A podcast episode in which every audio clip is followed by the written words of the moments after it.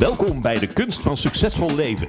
Mijn naam is Erik Seibesma. 15 jaar lang train ik mensen om mentaal weerbaar te worden tegen de uitdagingen die het leven biedt. En in deze podcast ga ik voor je op zoek naar de beste mindhacks, tips en handigheden om je succesvoller en mentaal weerbaarder te maken.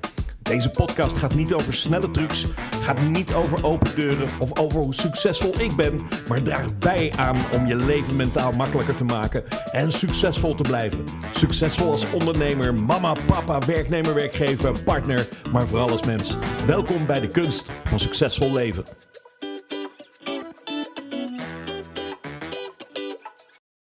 Goedemorgen, goedemiddag of goedenavond. Natuurlijk afhankelijk van wanneer je deze podcast luistert. Mijn naam is Erik Seibesma en ik ben een van de trainers van de NLP Academie. En deze podcast gaat over, ja, misschien een niet zo'n leuk onderwerp, maar het gaat over mislukken. En uh, deze podcast is uh, een, uh, de tweede podcast uit een serie van tien trouwens over de NLP vooronderstellingen. En, en, en een NLP vooronderstelling is niets anders dan een overtuiging een handige overtuiging die, als je die zou geloven, is dat soms dingen gewoon een stuk beter worden dan voorheen. En uh, uh, deze uh, podcast gaat over eh, de NLP-vooronderstelling. Mislukken bestaat niet. Je krijgt alleen feedback. En, en, iedereen heeft altijd een beetje een wat naar idee bij, bij mislukken. Uh, en, en, zeker als je dan ook nog eens een keer, als het er echt toe doet, je appeltaart laten mislukken omdat je trek hebt op een appeltaart. Ja, is heel vervelend. Maar een appeltaart laten mislukken als je hele kamer vol visite zit, wordt al een stuk vervelender. Daar gaat mislukking al wat zwaarder wegen. Laat staan bij andere voorbeelden dan alleen uh, ja, mislukken van een onschuldige appeltaart.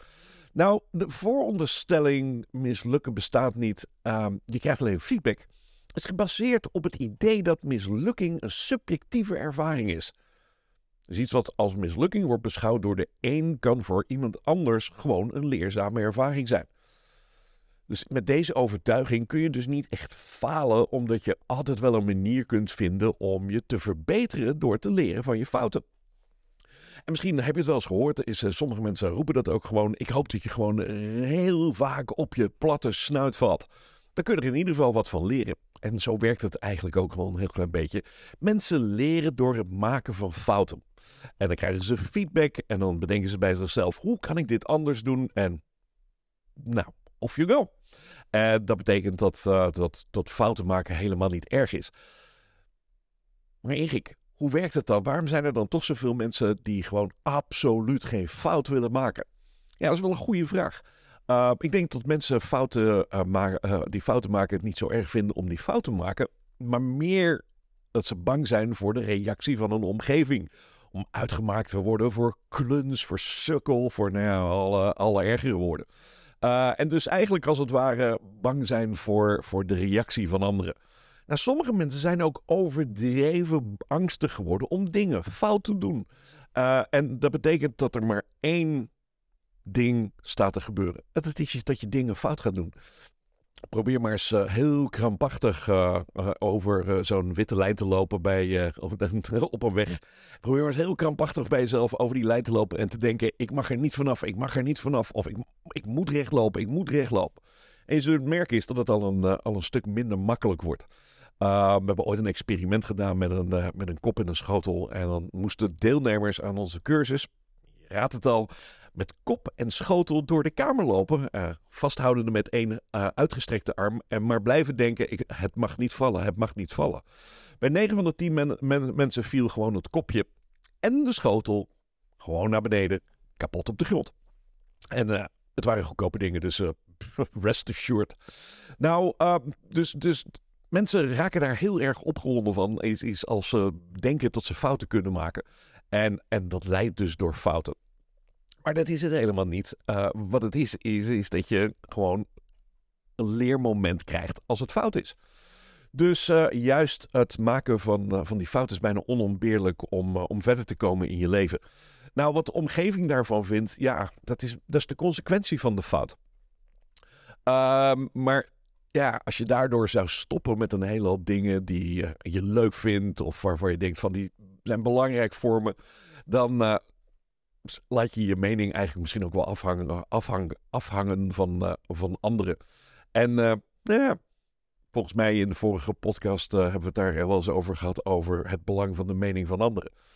Dus het is belangrijk om te begrijpen dat mislukking geen vaste staat is. Je kunt altijd weer nieuwe dingen uitproberen en, en, en je leert van je fouten. En de feedback die je daaruit krijgt, kan je ook weer helpen om je doelen te bereiken. Nou, sommige mensen roepen dan: ja, maar als dan dat en dat gebeurt. Ik vertel dan altijd mensen: het is een overtuiging. Het is geen harde waarheid. Er zullen altijd wel voorbeelden te benoemen zijn waar het net even iets anders is. Alleen als je onopmerkzaam uh, bent op de feedback die je krijgt en alleen maar denkt: ik doe het fout, ik doe het fout, ik doe het fout. Weet je in ieder geval één ding zeker: dat het niet zo motiverend is.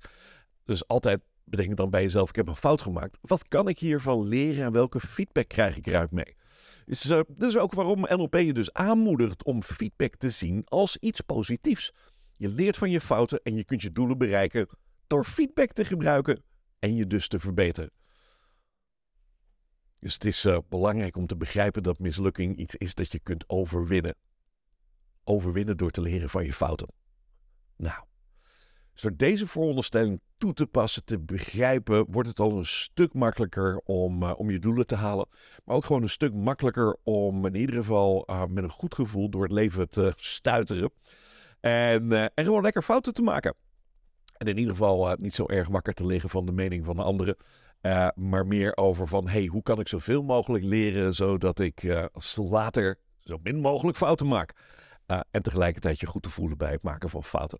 Hey, bedankt dat je naar deze podcast hebt geluisterd. Tot de volgende keer. Mislukking bestaat niet. Je krijgt alleen feedback. Adios.